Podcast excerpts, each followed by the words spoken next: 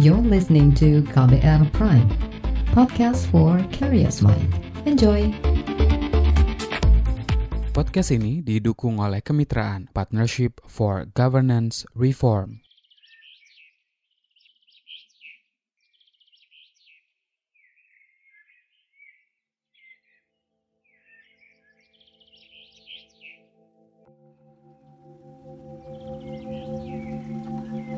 Ini kabut bagi kisah.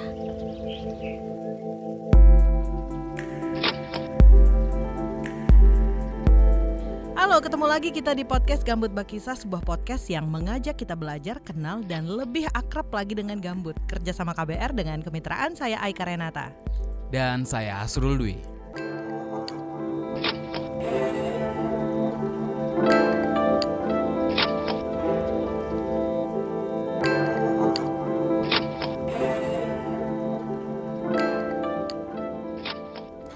Srul, Srul, Hmm. tahu kan kalimat-kalimat yang cukup jamak dilekatkan pada Indonesia yang mestinya bikin kita merasa beruntung dan bersyukur gitu. Misalnya nih ya, Indonesia kan punya beraneka ragam suku, bangsa, bahasa, terus kulinernya kaya, rempah melimpah, tapi ada lagi dong satu keberuntungan Indonesia yang jarang banget disebut, Apa tuh? punya gambut. Iya, iya juga sih ya sebenarnya ya. Ekosistem gambut ini kan nggak mudah ditemui di berbagai belahan dunia. Wilayah yang punya gambut berarti kekayaan alamnya itu masih terjaga. Nah, ini kita banget nih sebenarnya.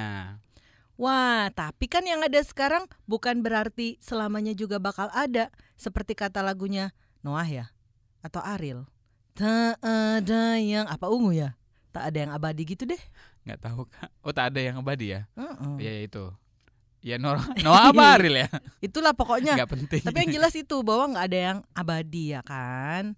Anyway, BTW Busway kemarau nih kan. Artinya eh, kebakaran hutan dan lahan juga mengintai. Mm-mm, Ini siap-siap. langganan banget nih bagi lahan gambut di Indonesia dan ini sayangnya bukan langganan yang menyenangkan. Kalau langganan spa atau langganan layanan streaming film mah oke-oke aja.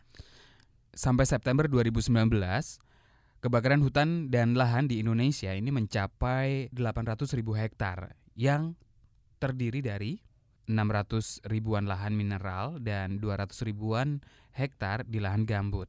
Angka ini eh, meningkat 160 persen ya jika dibandingkan dengan luasan pada bulan Agustus di tahun yang sama.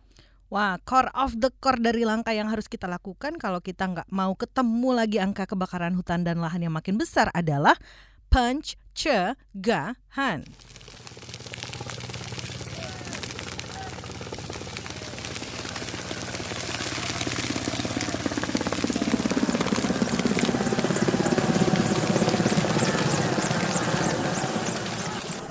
Aduh ngeri deh kalau udah denger bunyi api-api kayak gini apalagi ya kalau lihat foto-foto orang hutan atau satwa lain yang terbakar. Harusnya kan mereka bisa hidup damai. Terpaksa lah diungsikan karena habitat asli mereka habis dilalap api. Ingat juga kan soal bangkai ular piton yang terbakar di hutan Kalimantan? Kan bikin sedih.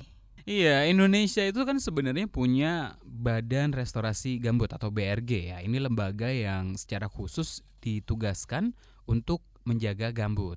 Berdiri di tahun 2016 dan salah satu program yang keren banget itu adalah Desa Peduli Gambut atau DPG. DPG BRG. Jangan keliru.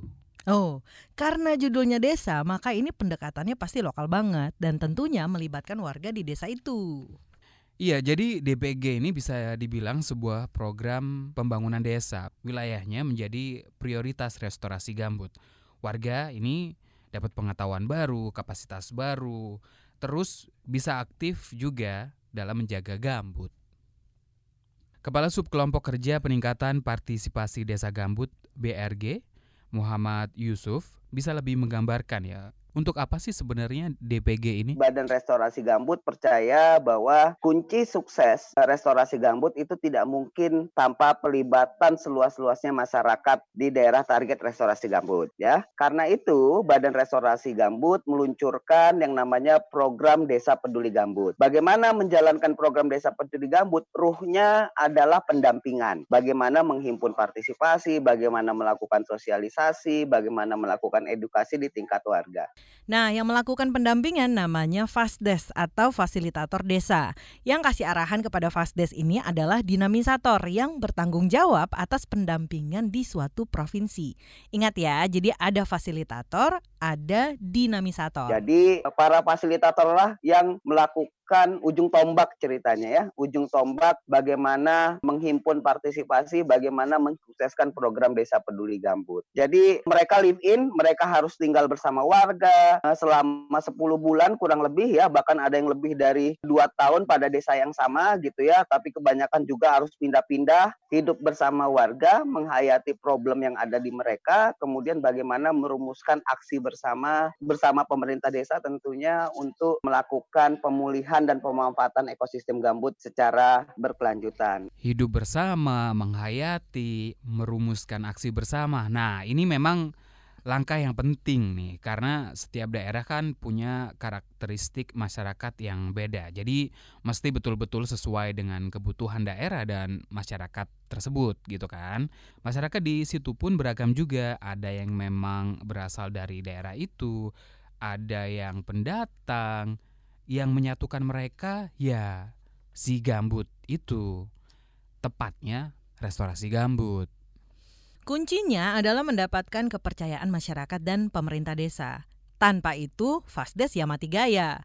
Nggak bisa ngapa-ngapain. Abis itu baru deh mulai ngobrol, bicara, diskusi, menjembatani kebutuhan desa dengan program yang dijalankan oleh pemerintah. Teman-teman inilah sebetulnya yang menjadi representasi kehadiran negara gitu ya di tingkat tapak di tingkat desa karena program BG ini adalah program pemerintah walaupun dikemas dalam pendekatan yang sangat basis base gitu ya berbasis masyarakat. Oke sekarang kita bahas aksi lapangan Desa Peduli Gambut atau DPG ini kan tujuannya untuk sesuai namanya ya melindungi gambut termasuk pencegahan kebakaran hutan dan lahan dong. Harus, apalagi kan api musuh utama gambut tuh. Nah, salah satu hal dasar yang diajarkan ke warga adalah pengolahan lahan tanpa bakar atau PLTB. Jadi, buka lahan gambut yang anti bakar-bakar klub itu. Begini nih penjelasan dinamisator DPG di Provinsi Kalimantan Tengah, Joko Waluyo. Ya kita introdusir ya gitu, karena intinya kita dimandatkan oleh Presiden untuk mencegah, pencegahan jadi BRG itu pencegahan kebakaran. Oleh karena itu kita harus dorong bagaimana teknologi mengintrodusir teknologi tanpa bakar. Jadi kita bukan melarang orang bercocok tanam,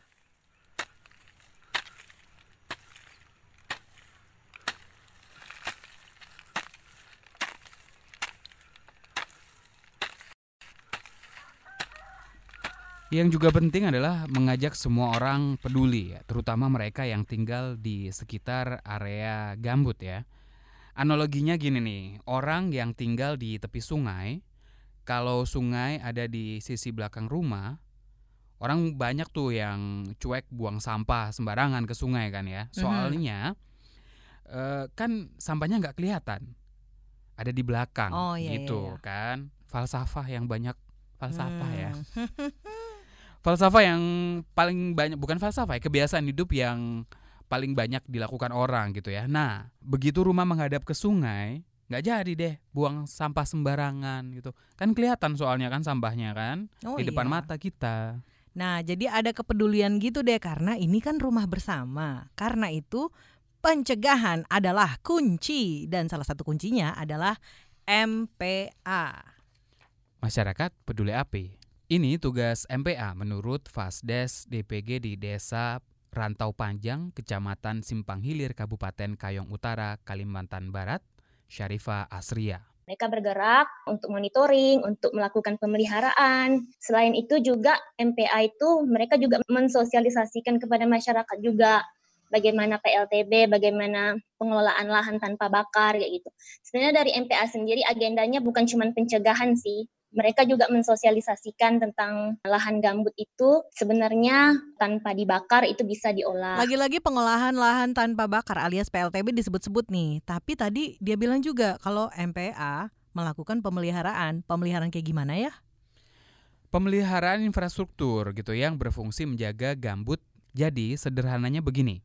Gambut itu kan ekosistem berawa gitu ya, basah. Mm-mm. Api sebetulnya nggak akan menyala di daerah yang berair. Nah, karhutla bisa terjadi kalau kondisi gambut ini kering. Makanya kebasahan gambut ini jadi kunci pencegahan karhutla juga. Infrastruktur yang mendukung di antaranya adalah sumur bor dan sekat kanal. Tapi kayak gimana sih cara kerja sumur bor itu?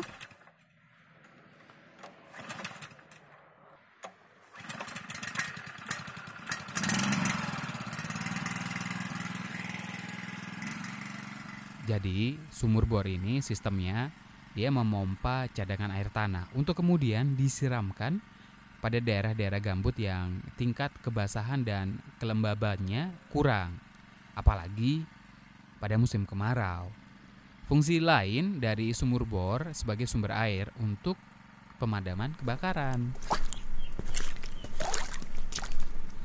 Nah, kalau sekat kanal tugasnya ini untuk mendukung pengelolaan tata air. Jadi, kanal tuh ya disekat supaya air gambut yang keluar bisa dialirkan ke tempat lain yang perlu dibasahi gitu ya. Dengan begitu, daya simpan air pada gambut lebih tinggi dan bisa mencegah penurunan permukaan air. Makanya tadi kan ditekankan, pemeliharaan itu jadi tugas pentingnya MPA. Sarifah membagikan cerita keberhasilan MPA di desa Pulau Kumbang saat dia bertugas tahun 2019 yang lalu.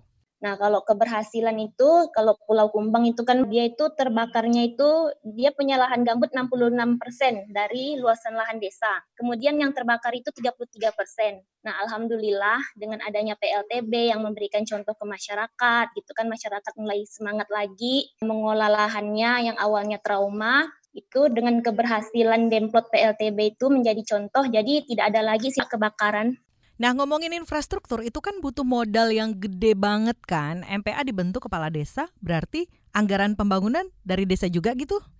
Kan ada dana desa. Oh, nah, ini iya, yang iya, iya.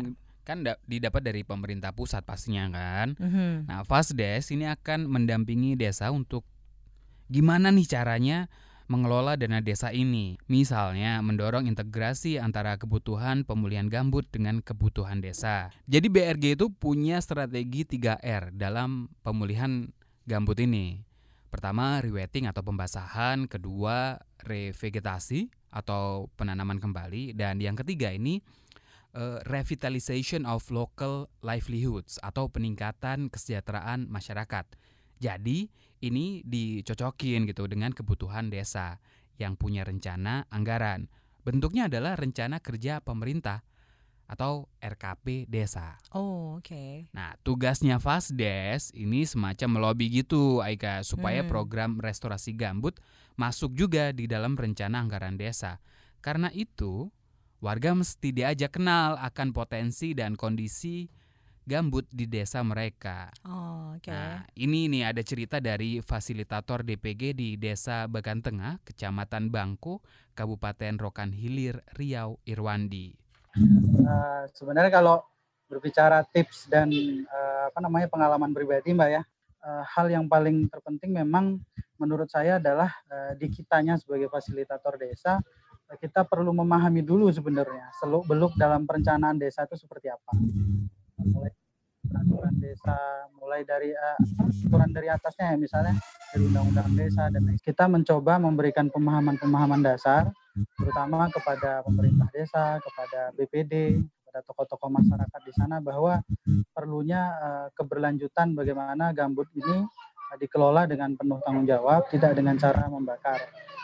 Salah satu itu eh, kita perlu juga memahami eh, celahnya bisa masuk di aturan-aturannya, misalnya di eh, Permendes itu ya tentang prioritas dana desa.